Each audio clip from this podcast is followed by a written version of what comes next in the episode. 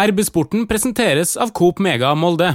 Ja, det var en god følelse når det ble ekstraomganger, egentlig. For jeg trodde Molde skulle være bedre fysisk forfatning enn det de skulle være såpass tidlig i sesongen. Eh, Men det er klart, det to gode lag. Kampen sto og vippa, og det kunne gått begge veier. Så jeg syns de skal være fornøyd med prestasjonen og litt misfornøyd med trekninga. Hei og velkommen til en ny episode av eh, RB Sporten. Vi har lagt bak oss ei helg eh, uten noe MFK-fotball. Sportsleder Trond Hustad, hva du har gjort på i helga? Eh, Jeg har gjort litt forskjellig. Sånne vanlige ting som eh, vanlige folk bruker å gjøre i helga. Og så eh, har jeg gått en tur på Tusenårsvarden. Så må vi ta med oss dagens hedersgjest. da. Vi kan vel si velkommen hjem til det, Martin Linnes. Ja, takk. Det føles faktisk litt hjem, det gjør det. Så første uka har vært hektisk, og vi har vært eh, rundt om i byen og prøvd å få på plass litt ting, men eh, det er godt å være tilbake. Si litt om denne overgangen her, da. Vi er jo veldig glad for å ha deg tilbake. Ja, nei, vi har jo holdt på i sommer og prøvd å finne en, eh, en pakke og løsning for familien som uh, fyller alle krav. Molde har vært, uh, vist interesse tidlig og vært tålmodig med meg og gitt meg tid. Og da, når eh, vi har fått tenkt oss godt om og lagt brikkene på plass, så føltes det bare rett og som det beste valget for oss per nå. Altså Kontrakta di da med, med Galatasaray gikk jo ut der. Kan du si litt om den eh, prosessen når du står uten klubb og du kan egentlig gjøre eh, det du vil? Ja, det er klart det var en ny, ny situasjon for min del. Klart, eh, I starten var det deilig med litt ferie og kunne slappe av og tenke litt annet. Men eh, ganske fort så begynner det å krible i beina, og da vil man helst ha på plass noe. Så vi leita bredt, og både utenlands og innenlands, men landa på at Molde var eh, det beste for, eh, for både meg og for barna og, og samboer, så vi er superhappy for å være her. Var det mange tilbud du måtte si nei til?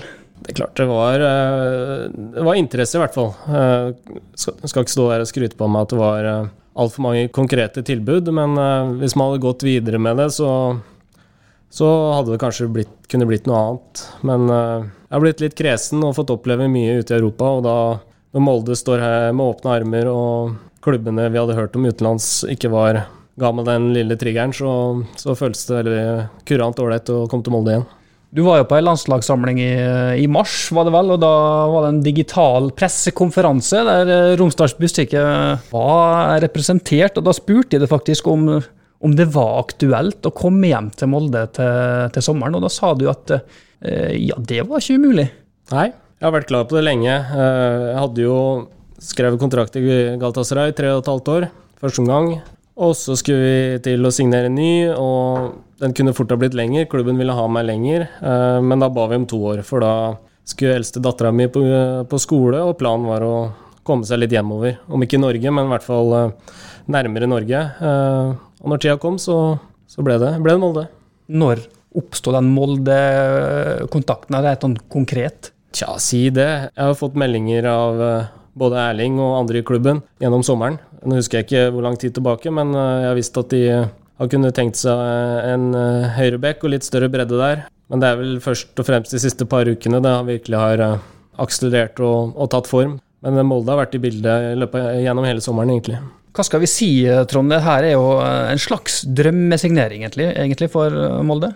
Ja, det er en drømmesignering. Og den eh, interessen fra, fra Molde, den eh, har nok ikke oppstått. Den har nok eh, eksistert og, og vært der hele tida, helt fra Martin eh, reiste i 2016. Um, han har vært på lista bestandig, og det har vært en en plan og en ambisjon eh, fra MFK-ledelsens side om at han en dag skulle komme tilbake hit. Sånn at eh, det er stor glede både i topp og bredde blant supportere og, alt nå over at eh, dette her gikk i boks. Og Martin er jo på mange måter den perfekte signeringa, fordi at han har alt, og han har gjort alt. Altså Dette er jo den spilleren som egentlig moderniserte backspillet til MFK eh, for ti år siden. For at, eh, du var jo den første, syns jeg, eh, høyrebekken av den typen her. Som, eh, som var liksom eh, Dette er originalen, da. eh, Med løpskraft, med tempo, med eh, løp eh, som er tima inn, med, med assist, med skåringer. Dette er den, den prototypen som som de eh, er bygd etter og henta etter, de som har vært her seinere, helt fram til, til Markus Holmgren eh, Pedersen. Sånn eh, at eh, dette er perfekt, eh, fordi at eh, Martin Linnes har all erfaring og rutine, landskamper. eh, 100 kamper i, i, i tyrkisk eh, liga, eh, Champions League. Og så er han fortsatt bare knapt eller så vidt 30 år, stemmer det? Ja, jeg blir 30 i september, så ja da, vi har eh, flere gode år igjen. Kroppen kjennes bra, og motivasjonen er der enda, så jeg har fortsatt eh, mye igjen å gi, og ambisjonene og, og motivasjonen er egentlig større enn på, på en god stund, så jeg bare gleder meg til å komme i gang med kamper og, og kjenne at jeg er i ordentlig slag igjen. Så enten så får vi ha eh, Martin Linnes her i fem-seks år, eller så kan MFK faktisk selge han en gang til og tjene enda mer penger.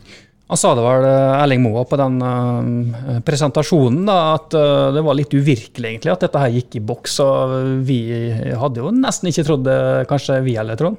Eh, jeg har trodd det, men jeg har kanskje ikke trodd at det skulle skje nå, før eh, de siste par månedene her, da, når denne kontrakten eh, gikk ut. Eh, men det er som eh, det er, blir sagt i, gangene på stadion, eh, det er egentlig et år eller to tidligere enn mange hadde turt å håpe på der borte. Vi skal se litt på det du har gjort tidligere, Martin, men aller først, vi er jo en dagsaktuell podkast, og nå har det jo akkurat vært et landslagsuttak. Men ditt navn var ikke med der denne gangen. Nei, eh, det var ikke det, og det kom vel egentlig ikke som noen overraskelse. Jeg har vært eh, ute av eh, organisert trening en god stund. Jeg har hatt ferie først, og så tok det litt tid å, å komme på plass og, og velge ny klubb. Så jeg trenger nok noen, noen uker før det begynner å suse ordentlig, så jeg skal bruke de ukene nå til å trene godt og komme skikkelig i slag. Så jeg tror bare godt av å, å bli i Molde, trene godt og bygge, bygge matchform. Så det tror jeg egentlig var beste for, for min personlige del òg. Å kunne bruke den tida på, på å trene, komme seg i skikkelig form. Så er det jo kanskje litt artig da, at mannen du er på en måte henta inn for å erstatte, da, Markus Holmgren Pedersen, han får sin debut denne gangen her på, på landslaget. og Han har du sikkert sett eh, en del av nå siste året. Ja, absolutt. Jeg har fulgt med, fulgt med på Molde helt siden jeg dro, og sett, uh, sett mye matcher. Uh, og han, har jo, han er jo en moderne back som har det meste han trenger. Han er rask og, og gode innlegg og, og, kommer ofte. og Det er artig at uh, Ståle er villig til å gi, gi nye fjes og unge, unge spiller sjansen, så jeg gleder meg til å se han, se han hvis han får sjansen. I forhold til den rolla eh, som høyre wingback, sjøl om Molde spiller fire bak, eh, ser du veldig mye eh, av det sjøl, sånn som du var her i Holmgren Pedersen, eller ser du nyanser som er annerledes nå, såpass mange år etterpå? Klart, vi er vel like, ganske like typer, det, det, vil jeg påstå. Kommer mye framover og, og, prøver å bidra. Prøver å være, bidra med positiv energi og, og skape sjanser og mål. Så klart, helt like er vi ikke, men vi kan nok ligne litt, ja. Vi skal spole litt tilbake i tid. Det er nesten ti år siden du kom hit for første gang. Men fotballkarrieren den starta vel litt lenger sør i landet? Ja, jeg begynte jo i barndomsklubben da, på Sanner. Et lite tettsted jeg var oppvokst. Spilte der fram til jeg var 17. og så tok jeg steget opp til Kiel som jeg trodde skulle bli et år i, i Adecco-ligaen den gang. Men så hadde de en fantastisk høst og rykka opp da, gjennom playoff og kvalik. Så det endte jo opp med å bli tippeligaen da, fra børjan. Så det er klart det tok jo en liten stund før man liksom ble klar for det. Jeg var jo ung og ikke kjent på det nivået i nærheten tidligere. Men jeg kom meg gradvis inn i det og begynte å spille mer og mer utover sesongen. Og mot slutten av sesongen så var jeg fast. Så rykka vi jo ned og hadde et år i, i førstedivisjon før Molde kom på banen sommeren 2011. Og da var jeg vel oppover her en ukes tid på et prøvespill og for å bli litt kjent. Jeg var med til Ålesund, husker jeg, på en treningskamp som han hadde da i en landslagspause. Og skårte? Og skårte, ja. Stemmer. Så det var egentlig historien kort. Kom opp til Molde, og da, da gikk det egentlig bare én vei. Fikk fantastisk oppfølging og støtte, og innkjøringsperioden gikk veldig bra, så jeg sklei veldig fort inn i laget og, og fikk enorm tillit av Ole Gunnar, som var her, var her, den gangen. Så det var egentlig drømmeovergang for min del. Komme seg til Norges beste og største klubb på den tida, og, og, ta steget såpass bra og gå rett inn på laget. Ikke bare på den tida. Hvordan var det som ungt fotballtalent? Du ble jo speida både av Jon Vik og, og Solskjær var vel sjøl og så det spille. Hvordan var den å på en måte bli kontakta av Storskjær og Molde den gangen? Det er klart, det var jo virkelig Jeg husker jeg satt og fulgte med utover høsten av 2011, da Molde kjempa om sitt første gull. Og det var jo egentlig småuvirkelig at man var både ønska og, og, linka dit når man sleit litt ned i førstedivisjon sjøl. Det er klart både Jon og Ole Gunnar hadde sett kvaliteter og egenskaper i meg da, som de følte kom til å passe inn i Molde. Så det var jo bare å, å stole på at de hadde rett bedømmerskraft og begynne å true på at du var god nok. Eh, så de klarte, klarte, å lure meg til det, og jeg klart det var eh, nervøst og litt sånn eh, uvisst i starten på hvordan man skulle takle det, men som sagt, med den velkomsten og og, og, støtten fra Ole Gunnar og måten man kommer inn i en gruppe her i Molde, den, den hjalp veldig den gangen. Og jeg merker det på spillergruppa i dag at det er samme, samme mønstre. Så det var en fin første periode, og det har starta godt nå. Visste du da at du, ble, at du skulle spille høyreback eh, den gangen? For jeg har et intervju her da med Solskjær fra høsten 2011 etter den treningskampen. og Da står det at Martin kan spille indreløper, back og spiss. Han kan brukes overalt. Ja, nei, når jeg kom til Molde, så hadde jeg jo egentlig ganske lite erfaring med å spille back. Det var det jeg spilte første året i Kiel, uh, i Tippeligaen. Men så kom uh, Tom Nordli inn andre året, han ville ha meg inn som indreløper. Så var vel det jeg spilte mest da, det siste året før jeg kom opp til Molde. Men sånn som jeg husker, så var det liksom på backplass uh, Molde trengte litt større, større bredde den gangen òg. Så jeg, oppi mitt eget hode, så var det vel kanskje først og fremst der de hadde tiltenkt meg en rolle, da, så jeg innstilte meg på det, og det var, det var, greit. Jeg ser nå i ettertid at det er vel i den posisjonen jeg har hatt størst potensial òg. Vi er glad for at han ble Hørebekk, Trond. Ja, veldig glad for at, eh, at han ble høyrebekk, og som vi var inne på i stad, eh, bidro til å måte, utvikle den moderne rollen da, som Molde fortsatt har på begge sidene sine. Og så ble det jo sånn da, at du fikk med deg både to seriemesterskap og to cupkull. 12 og 14 og 13 og 14. Og så eh, ble det jo masse gode opplevelser i, i, i gruppespillet i, eh, i Europaligaen som, eh, som følge av det da, i, i, 2015. Ja, det stemmer. Jeg føler vi fikk noe ut av nesten hver sesong jeg var her. Det var et par år vi sleit i, i serien, i 13 spesielt, men da endte vi opp med å ta cupgull, og det samme i 15. Men da presterte vi jo fantastisk utover høsten og fikk med oss et eh, ja, nærmest perfekt gruppespill i Europaligaen. Så det var egentlig vellykka år i alle åra. Bortsett fra at vi, vi feila litt i, i, ligaen, så klarte vi liksom å, å lande en brukbar, godkjent sesong uh, uansett. Men det er klart, skal vi trekke fram en sesong, så var det jo kanskje 14 av hvor vi føltes uh, nærmest umulig å slå, spesielt på hjemmebane, og vi vant serien med en haug av poeng. og, og ting bare fløyt. Men uh, som sagt, hver eneste sesong var, en, var egentlig en eh, opptur, og vi fikk noe ut av det. Og var med på å bygge motivasjon og jage, jage ting videre inn mot neste sesong. Hei sann! Her er jo Hilde fra Coop Mega Molde. Kom innom og la deg friste av den lengste ferskvaredisken i Romsdal. Velkommen til Coop Mega Molde. Du ble jo klar da for eh, Galatasaray etter den uh, høsten 2015, vel. og Du skøyt det vel kanskje inn i fansens hjerte før du ble klar for uh, Galatasaray òg? Ja, det kunne ikke hatt en bedre start, uh, sånn sett. Målet mot, mot Fenerbahçe, det, det, sitter i dem, og det, det huska dem, og det var liksom det jeg levde for og var god for lenge. Så jeg fløyt litt på den bølgen en god stund før jeg begynte å prestere godt for Galla òg. Så det er klart, det var en var en god ting å ha med seg det inn mot uh, ny, ny, klubb og ny boplass. Hvordan var det å, å komme da fra, fra, lille Molde og så inn til gigantbyen Istanbul, en enorm klubb selvfølgelig, og, og tyrkisk serie der de er jo helt spinnville på tribuner? Ja, nei, det er klart det det var en overgang. Hadde jeg gått fra, fra, Kiel til Molde, det føltes ut som en gigantisk overgang. Men det kan jo ikke sammenlignes uh, mot det andre flyttet jeg hadde. For over til Tyrkia så er det ikke bare klubb og nivå som blir annerledes. Der har du kulturforskjeller, religioner, entusiasme, størrelse på klubb, hvordan du skal te deg, oppføre deg. Alt blir veldig nytt. Så det var en overgang, og det tok litt tid å komme inn i det. og og tilvenne seg de vanene som kreves der nede. Men jeg følte det gikk eh, tok litt lengre tid enn i Molde, men eh, med tida så kom det seg på plass, og vi bodde oss til og ble der i, i fem og et halvt år. Så vi har jo hatt det godt og tryddes, så det, jeg er superglad for at jeg fikk være der såpass lenge. Rent sånn uh, sosialt, da. Du dro jo dit med, med samboer, barn og, og, den biten der. Hvordan var det?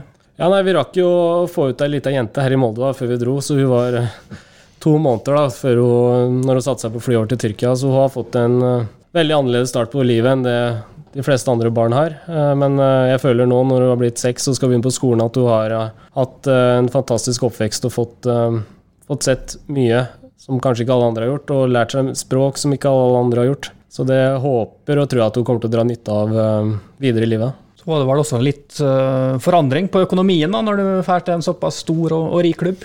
Ja, det var jo Det er klart det blir, det blir jo det. Når man kommer seg ut i Europa, så, så er det en del av pakka.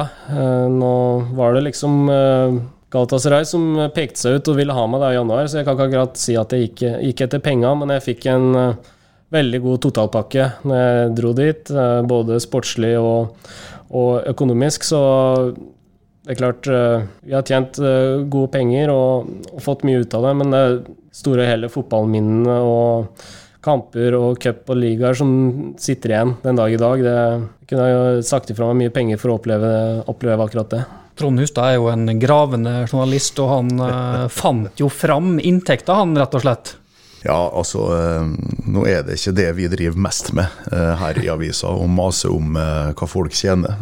det er jo privat og personlig. Men i Galatasaray så er det ikke sånn, fordi at det er et børsnotert selskap. Sånn at der ligger alle disse detaljene her ute på eh, internettet. Åpent for alle eh, som har lyst til å lese, eh, hvis de vet sånn cirka bare hvor de skal lete hen. Og det husker jeg var overraskende vi, den dagen Martin Linnes signerte for, for Galatasaray og dro til Tyrkia. Så fikk vi ut en kopi her der det sto at han eh, i kontrakten eh, fra eh, og med 2016 til sommeren 2019 skulle tjene 10 millioner norske kroner ca. netto. Pluss en forskjellige bonuser da, som kommer inn der. Og Det sto bl.a. at altså det var ned på det detaljnivået at etter 25 kamper så skulle det utbetales 10 000 euro per kamp i en viss periode etterpå. Eh, så kjapt eh, regnestykket i hodet viser at det eh, kanskje kom inn 40 millioner i den første kontrakten der. Og så sto det i avisa når du reforhandla at du skulle få 3 millioner i, i lønnspålegg i året. Så det vil da tyde på at du kanskje har tjent bortimot like mye i den eh, toårsperioden eh, etterpå. Kanskje med litt sånne landslag og Champions League-bonuser og sånn, så er det jo mulig at eh, vi snakker om en 70-80 millioner i hvert fall. Ja, uh, hva skal en si til sånt? Uh, som jeg var innom, så fulgte jeg uh, fotballen og drømmen når jeg reiste ned dit. Litt sånn uviss på, både på nivå og sånt, men klart jeg hadde hørt om klubben, og jeg har vært en fast gjenganger i Champions League i alle åra jeg har vokst opp. Så det var liksom det som var hovedgodbiten for min del med å reise ned dit, det var å oppleve trøkket på stadion, uh, muligheten for Champions League, og, og det kunne være med å fighte i en, i en bra, stor liga. Uh, samtidig som jeg så på det som et uh, mulig sprang videre ut i de enda større ligaene. nå ble det ikke sånn, men når man ser tilbake på det, så har jeg fått oppleve utrolig mye, og vi, vi sitter igjen med mye opplevelser. en del titler og en økonomi som bygger et bra fundament for videre livet. Og det, når man får den, hele den totalpakken på plass, så må man si seg fornøyd. Men sportslig da, så har det jo vært eh, rykter og spekulasjoner i flere vindu gjennom dette oppholdet ditt eh, om at du var eh, aktuell og, og, på vei til andre klubber. Eh, hva kan du fortelle om det nå i ettertid, hva som stemte der? Um, ja, uh, det er klart uh, I Tyrkia generelt, og i hvert fall en sånn storklubb, så er det evig jag om å vinne ligaen. og Gjør man ikke det, så snur man hver eneste stein og prøver å finne ut hvor, uh, hvor det skorter hen. Så det er klart, i hvert eneste vindu blir man vurdert om man er god nok til å være der, eller om man må videre og prøve noe annet. Så det er klart, det var helt sikkert oppe Det var et tema jeg flere vinduer, men det var aldri noe sånt Aldri nære å, å bytte klubb eller reise av sted. Jeg har spilt uh, jevnlig med kamper i alle sesonger og følt, følt, at jeg har vært med og, bidratt og hatt en uh, brukbar høy stjerne i klubben, som de har ville hatt der i over fem og et halvt år. Så jeg har overlevd mye utskiftninger og rokeringer, men jeg har stått i stormen og fått en del kamper etter hvert. Så er det klart, i fjor, forfjor, hvor jeg ble satt ut av laget, så var det vel kanskje nærmere enn en noen av de andre vinduene, men da da ble det knapt om tid, så jeg fikk, fikk ikke finne med noe annet. Ja, si litt om akkurat det, for det var, du var rett og slett ikke registrert i troppen til Galatasaray. Det var en, en hektisk deadline day der? Ja, eh, vi reiste jo eh, Vi fikk helgefri, så vi reiste, tok med familien hjem og skulle arrangere eh, et dåp. da, Litt, litt seinere enn hva som er vanlig, men som fotballspiller så må man liksom ta de, de helgene som man kan. Så vi reiste hjemover uten ante ingen uro, men kom hjem og våkner søndags morgen, husker jeg det var. Da begynner jeg å lese rykter på nettet om at det er nye spillere på veien, og så begynner man å legge legge sammen og telle over, og navnet mitt dukker opp som en av de som er aktuelle for å, for å bli skvisa ut. Uh, prøver å få kontakt med klubben, uh, får beskjed om at de er uh, opptatt og tar kontakt seinere. Hører ingenting før klokka blir sånn fem-seks på ettermiddagen. Før jeg da får beskjed om at det er bekrefta tre nye signeringer på deadline day. Og da forstår jo alle at det begynner å bli travelt. Når jeg er i Norge, agenten min er på en helt annen plass i verden, og, og klokka tikker feil vei. Så det ble noen samtaler hit og dit i et håp om å kanskje få til, uh, få til noe i siste liten, men uh, det gikk ikke. Så da ble det fem måneder med uten matcher og, og, kamptrening. Men jeg fikk heldigvis da trene med laget og var, var, en del av gruppa sånn sett, men uh, det var et langt ifra optimalt halvår. Og dette var da en høst der um, Galatasaray skulle spille Champions League mot OK motstand? Ja, det hadde jo eh, ikke blitt trukket av gruppen enda. Men det er klart, eh, når de ble trukket etterpå, så var det jo ekstra salt i såret, det. Når de havner i gruppe med Paris, eh, Real Madrid og Brygge, så er det klart det hadde vært en fantastisk opplevelse å fått være med på det. Nå fikk jeg jo sett hjemmekampene fra, på stadion, men det er noe annet å være ute på der sjøl, så det er klart det var det var tungt for eh, både hode og motivasjon, men måtte jo bare uh, prøve å krige på og være klar til uh, enten neste arbeidsgiver eller til det jeg skulle inn, inn, tilbake i varmen. Så det var liksom det som holdt meg, holdt meg i gang. Den eneste store taperen på å gå og sutre, det var meg sjøl. Så jeg måtte bare bite tenna sammen og, og sørge for å holde kroppen klar. Det ble jo en del år i, Tyrkia.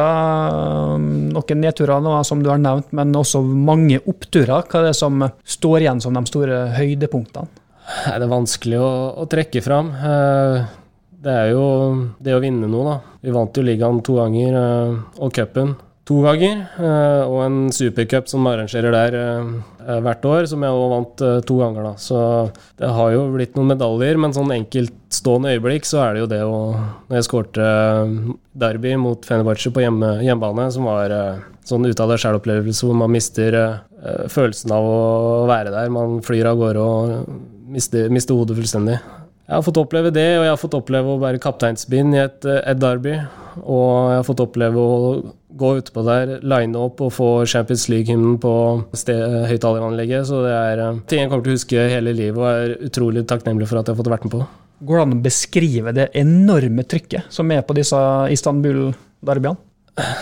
Nei, det er vanskelig å beskrive for folk som ikke har, har vært der, uh, vært der sjøl. Det er klart, skulle har gitt en enkel forklaring, så for nordmenn flest som har vært i England og sett kamp, så tenker jeg man kan doble det med to-tre, så begynner man å nærme seg. For å være helt ærlig. De gangene jeg har vært i England, så har det i hvert fall vært sånn at det, det kan rett og slett ikke sammenlignes. Det er et uh, støy og et leven og en entusiasme som du kanskje har et par andre steder i Europa, og, og kanskje noen andre plasser i verden òg som ikke jeg veit om, men det er helt unikt og vanvittig følelse å gå ut på der og, og høre, høre trøkk og bruse. Hei, Hilde her, fra Coop Mega Molde. Kom innom og se vårt store, brede utvalg av mat fra lokale produsenter. Vi har også gavepakker til den som har alt. Velkommen til Coop Mega Molde! Stor klubb, eh, som vi alle vet, Galatasaray. Det er jevnlig i Champions League, eh, ypper seg mot de, de, aller største. Du har jo spilt med noen eh, vil vel si kjente navn. da. Falcao, Arda Turan, Wesley Schneider, Lukas Podolski. Ja. Jeg var heldig og har fått både se og lære og oppleve, oppleve, det. Det er klart, alle er jo forskjellige typer, og noen av dem skruer, noen av dem artige og noen av dem superseriøse, men det er klart det er vel sånn det er i en garderobe, at folk er litt forskjellige og har litt uh, ulike ting å by på. Men det er klart, det, det å se og lære og oppleve dem på nært hold, det har vært fantastisk. Så når jeg da kom ned ned dit for første gang og skulle inn i garderoben og få klær og skifte, så, så ender jeg da opp med å, å sitte midt mellom Schneider og Podolsky. Det var liksom min, min faste plass i to år framover, så det var litt uvirkelig, egentlig. Når man har uh, fulgt med på fotball i den grad jeg har gjort, og, og sett såpass mye fotball, så det, var det stort for, for meg da, å, å kunne sitte der og være en del av gjengen på den måten. Hvem var det du satt mellom i Molde-garderoben, egentlig, da, eh, før du dro? Det tror jeg var uh, Harmet Singh og Moi. Tror jeg var siste nabokameratene. Var ikke gærent, det heller? Nei, nei, nei, på ingen måte. Hadde det, der hadde vi veldig god stemning. Da hadde vi jo gode spillere, det òg, som har, som har utretta mye på fotballbanen. Hva er det du sier da, når du setter ned der og du kikker til venstre på Wesley Snyder, og, og høyre der tyske landslagsstjerna Podolsky? Nei, det var det, da. Det tror jeg Jeg gikk vel og funderte et par måneder på det sjøl òg, hva jeg egentlig skulle si. Jeg kom aldri noe sånn særlig i dybden med de de første månedene. Det var vel en blanding av at jeg er litt sånn sjenert og tilbakeholden i starten, og en miks av at de ikke var superinteressert i å skaffe seg altfor mye nye venner. Men det ble litt løsere i praten og litt bedre stemning etter hvert, så jeg har mye, mye godt å si om begge de to. Noen av dem er skruer, sa du. Hvem var det? Nei, ja, øh, klart øh, Lukas Podolsky, som øh, har spilt i Bayern og Arsenal og de andre store klubber. Men ja, en morsom type med mye meldinger og, og stikk. klart kunne å, bli ufint, men for oss som er en del av garderobe og kjenner til den kulturen, så det, blir det stort sett tatt, tatt, med et smil og blir latter ut av det. Så han var, han var morsom, spør du meg, og litt over grensa iblant. Så har du vel spilt mot noen uh, ganske gode spillere. Si litt om dem, da. Ja, nei, det som er i Tyrkia, er at det er mange store navn og kjente, kjente, fjes rundt om. Og Champions League så var jeg jo egentlig litt uheldig med det gruppespillet som jeg fikk lov til å være med i. Vi møtte liksom ikke de største, største lagene når vi kom i gruppe med Porto, Lokomotiv Moskva og Schalke. Men uh, det òg var en fantastisk opplevelse. Men uh, vi møtte jo og spilte jo mot Fenerbahçe nå her for, rett før ferien. og og da hadde de fått uh, Mesut Özil på plass. Så det er jo sånne typer spillere som dukker opp og man får, uh, får bryne seg på. Så det har, det har vært uh, veldig, veldig både lærerikt og gøy. Selv om altså fem og et halvt år i, i Tyrkia, det, det, oppholdet der har vært et eventyr både for deg og familien, selvfølgelig. og det vært masse positive, spennende og fine opplevelser. Så har det også vært noen ubehagelige opplevelser, som vi husker helt i begynnelsen. Når dere flytta dit, så, så, så var det jo terrorfrykt og, og terrortrusler som uh, både gikk utover privatlivet og, og, som førte til at en kamp ble utsatt? Ja, det var en periode der hvor det sto på og var, var hektisk. Man uh, følte litt på det. Man tenkte vel kanskje i starten at det var mer planlagt og ikke mot, uh, mot befolkningen generelt. Uh, men det er klart når det begynte å smelle rundt omkring i byen Jeg hadde akkurat landa på flyplassen og fikk melding om den første på vei til å signere. Så da blir det den følelsen av at er, er, det sånt her? Og, og, det hadde skjedd både i Frankrike, det har vært noe i Tyskland og i, i nærheten. Jeg så ikke på det som noe Tyrkia-fenomen. Eh, så, så, vi godtok den og, og prøvde å leve, leve, videre. Men det er klart, eh, i løpet av det første året, halve året, når det ble både på flyplass, som vi var en del, både for å hente, og, hente besøk og, og reise sjøl, i tillegg på en restaurant som jeg har sendt både kone og, og besøk. Det er klart, da, da begynner man å å, vurdere om det er verdt å, å ofre så mye mer. Eh, så vi var, eh, var svært nære å, å, trekke inn årene og, og, gi opp de greiene der for å gå og frykte sånne ting. Det, det er ikke noe særlig. Eh, og den kampen som som ble utsatt Og Så sitter vi jo på bussen uh, på vei inn mot stadion. Jeg får melding av uh, samboeren min, som er på stadion allerede, om at de har fått beskjed om å gå ut igjen. Uten at vi spillerne hadde hørt noe som helst, så hadde de blitt geleida da ut av stadion. Så vi kjører da og kommer nesten helt fram til stadion før vi da får beskjed av team manager om at kampen er utsatt. Det har vært de har plukka opp noe informasjon om at det var mulig terrorangrep på vei. Men jeg har aldri hørt noe etterspill om det, om det var reelt, eller om det bare var eh, falske nyheter. Men kampen ble utsatt og tatt igjen seinere. Så det er klart, når det kommer så tett på, så begynner man jo å føle litt eh, ekstra på det. Nå har det jo bank i bordet vært eh, rolig terrormessig i mange år, og jeg får håpe det fortsetter sånn. For noen som ikke fortjener det, så er det tyrkiske folk og Tyrkia. For jeg trivdes godt, og måten de har behandla meg og tatt vare på meg, så håper jeg at det får bli rolig, og at den tida er forbi. Men det var sånn at, at dere seriøst ønska å flytte, eller? En periode? Ja, det var noe vi diskuterte, ja. Fordi um, når det blir eh, såpass tett på, når det går utover både arbeid og reise og, og, kontakt med de hjemme Og ikke bare den frykten vi følte på, for vi var jo der og fikk oppleve og, og så forholdsregler og hvordan de jobba imot det. Men for folk eh, og venner og familie hjemme i Norge som ikke, som ikke fikk med seg det, og, og satt, satt, hjemme og, og, var redd for oss, eh, den følelsen var heller ikke noe særlig å, å ha hengende over seg. Så vi, det var en periode vi måtte vurdere det, og så bestemte vi oss for å prøve, prøve litt til. Det var tross alt eh, en drøm som gikk i oppfyllelse, til å være der, så vi ga, ga det siste sjanse, og den, den varte en god stund. Det er jo ikke så lenge til vi hadde besøk fra Tyrkia her i byen, Trabzonspor, som du har eh, møtt flere ganger. Du så sikkert disse kampene? Ja, det må innrømme. Den første nede i Tyrkia fikk jeg ikke sett. Eh, da skjønte jeg Molde var eh, småheldig med å få med seg et uavgjort resultat derfra. Men hjemmekampen her fikk jeg sett, og den kunne jo ha vippa begge veier. Det var en veldig jevn kamp, og jeg hadde et håp om at når det kom seg til straffekonk, at vi skulle dra det, dra det i land. Jeg hadde jo en god følelse når det ble ekstraomganger, egentlig, for jeg trodde Molde skulle være i bedre fysisk forfatning enn det de skulle være såpass tidlig, i sesongen. Eh, men det er klart, var to gode lag. Kampen sto og vippa, og det kunne gått begge veier. Så jeg syns de skal være fornøyd med prestasjonen og litt misfornøyd med trekninga.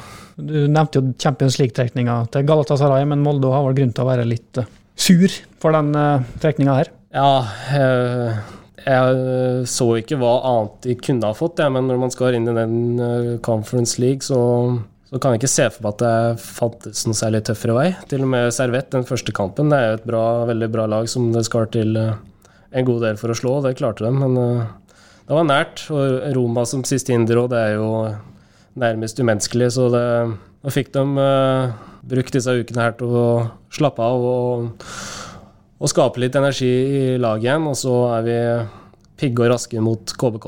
Til og med José Mourinho var misfornøyd da han fikk uh, spor. Han rista på hodet etter at uh, Roma slo dem i, i, første kamp, og han var ikke særlig fornøyd med å møte det han mente var Champions League-motstand. Så da vet vi hvor lista ligger. Uh, det er en stund siden du har spilt kamp. Uh, Martin, si litt om det siste halvåret du hadde i, i Tyrkia. Ja, uh, starta veldig, veldig bra fra jul. spilte vel åtte-ti kamper eh, på rad, back to back, og vi hadde en bra streak med mye, mye seier òg. Uh, var godt i det. Og så fikk jeg en liten skade som satte meg litt ut av laget. Kom meg tilbake igjen og var en del av tropp og, og noen kamper inn mot slutten av uh, sesongen igjen. Så alt i alt en ok godkjent vårsesong og avslutning på sesongen. Men det er jo den lange pausen og oppholdet jeg har hatt nå i sommer som bekymrer meg litt sånn kampform og, og, fotballmessig, men eh, jeg tror eh, med det grunnlaget jeg har lagt med mye egentrening og løping i sommer, eh, bærer frukter, og at fotballformen og de lange dragas kommer, kommer, ganske fort. Ja, Hvor er det du har løpt hen? Nei, Det har vært overalt i skog og mark i, i Sør-Odal. Det har vært både Jeg har hatt base hos pappa og bodd der. Så jeg har blitt godt kjent i både skog og mark og langs grusveiene der. Eh, så det har blitt en del kilometer, men eh, fotball og fotballbevegelser blir, blir litt annet. Det blir mer start-stopp, eh, høyere tempo og litt sånt. Men jeg har gjort så godt jeg kan og prøve å være så klar som overhodet mulig, og det føles greit. Jeg har fått trent nå nesten en ukes tid, og det føles bedre og bedre for hver dag. Så jeg tror og håper at det skal gå ganske fort før jeg er 100% Det er kamp på søndag. Er du klar? Ja, vi jobber jo mot det.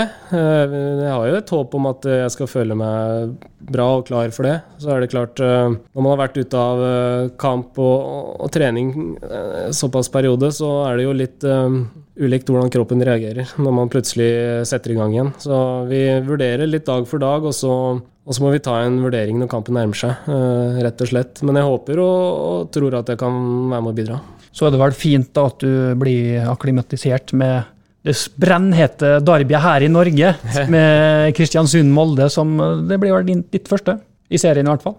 Ja, det kan vel kanskje hende, det. Det har jeg ikke tenkt på, men eh, det er klart Kristiansund skal vi ha respekt for. De har bygd eh, bra nå de siste åra og blir bedre og bedre for hvert år. Selv om eh, spillere forsvinner, så klarer de å holde, holde et bra nivå og henge med i toppen. Så det er absolutt ingen enkel start for min del. og Så vi må være på hugget. Nå har vi heldigvis fått uh, en veldig god treningsuke og brukt tida godt på å, legge en, en, plan på hvordan ting skal se ut. Så får vi håpe at folk er pigge i beina og at planen fungerer. For du er her for å ta gull? Ja, absolutt. Det er klart Molde vil ut i Europa, og når man ser på hvor viktig det er å, å å vinne, vinne, ligaen her, eh, og den veien Bodø-Glimt har hatt i år f.eks., så må man legge alt i potten for å ta gull i ligaen. Eh, så det er jo det vi går for. Og nye lagkameratene mine har lagd et eh, bra grunnlag, så vi, vi er i førersetet. Og hvis vi klarer å få ut det både klubben og, og spillere er gode nok for, så, så ser jeg ingen annen utvei enn at det blir gull. Vi bruker jo å avslutte denne podkasten her med å, eh, litt resultattips, se litt inn mot de kommende kampene, da, hvis vi skal se på Kristiansund-kampen. Hvordan tror du det ender, Martin? Jeg tror eh, Jeg har alltid troa jeg går inn med innstilling om at vi, vi, bør og skal vinne. Så jeg, hvis jeg skulle gitt deg et eksakt resultat, så sier jeg 2-1 Molde. God kontroll og 2-1, og så får de 2-0 tidlig, og så får de kriga inn ett på slutten. Bare sånn helt ufarlig. Men jeg tipper vi kommer til å ha god kontroll, og at dere kan lene dere tilbake og nyte kampen. Skal du lene tilbake og nyte kampen, Trond? Ja, det skal jeg gjøre. Eh, forhåpentligvis. Eh, nå er det dessverre ikke alltid eh, at vi kan lene oss tilbake og nyte kampen når Molde spiller Selv på 2-0. borte mot Kristiansund. For dette er jo, har statistisk sett vært veldig traurige, tøffe kvelder, dette her, altså. Så mm, jeg er ikke superoptimistisk. Jeg tror jeg skal være så realistisk at jeg tipper at det blir uavgjort 1-1. Det var kjedelig tips. Ja. Nei, men da får Ivar dra opp eh, optimismen igjen, og så får jeg si 3-0 i dag til Molde. Være litt mer uh, frampå, selv om det bruker jo alltid å være jevne kamper da, i Kristiansund. Men dette blir unntaket. Ja, det sa du. Vi tippa 1-1, så vi uh, tippa at det blir en jevn kamp også denne gangen her. Så må jeg få lov til å si at vi var helt sikre på at uh, nå skulle Kristiansund i hermetegn endelig uh, bli litt dårligere enn de har vært uh, de tre-fire siste åra. Mista Pellegrino osv. Og, så og så viser det seg at halvveis så har de faktisk vært bedre enn de har vært noen gang før, og det viser også tabellen. Og det er lov å ta av seg hatten og bare si at det er utrolig imponert over det som de klarer å få ut av ressurser og mannskap der så langt. Altså Med hjemmeseier i den kampen, så er jo Kristiansund nesten kobla på i gullkampen. Ja, det er jo eh, absurd, da. Det er jo naturstridig. Skal ikke gå an. Eh, verken hvis du ser på, på, økonomi eller spiller for spiller. Så eh, nok en gang, det er en formidabel prestasjon å ligge der de ligger nå. Og Samtidig så skal det egentlig ikke være mulig å fullføre sesongen på dette nivået. Så eh, vi må nesten bare tro at de går på en liten eh, smell eh, på høsten. Det får være siste ord i eh, denne omgang. Kampen kan du selvfølgelig følge på både RB-nett og 1FM. Husk at hvis du abonnerer på denne podkasten, så får du beskjed når en ny episode er klar. Hei, Hilde her, fra Coop Mega Molde. Og til Coop Mega Molde finner du alt du trenger til både hverdag og fest. Kom og la deg friste av den lengste ferskvaredisken i Romsdal. Du finner også et stort og bredt utvalg mat fra lokale produsenter. Velkommen til Coop Mega Molde!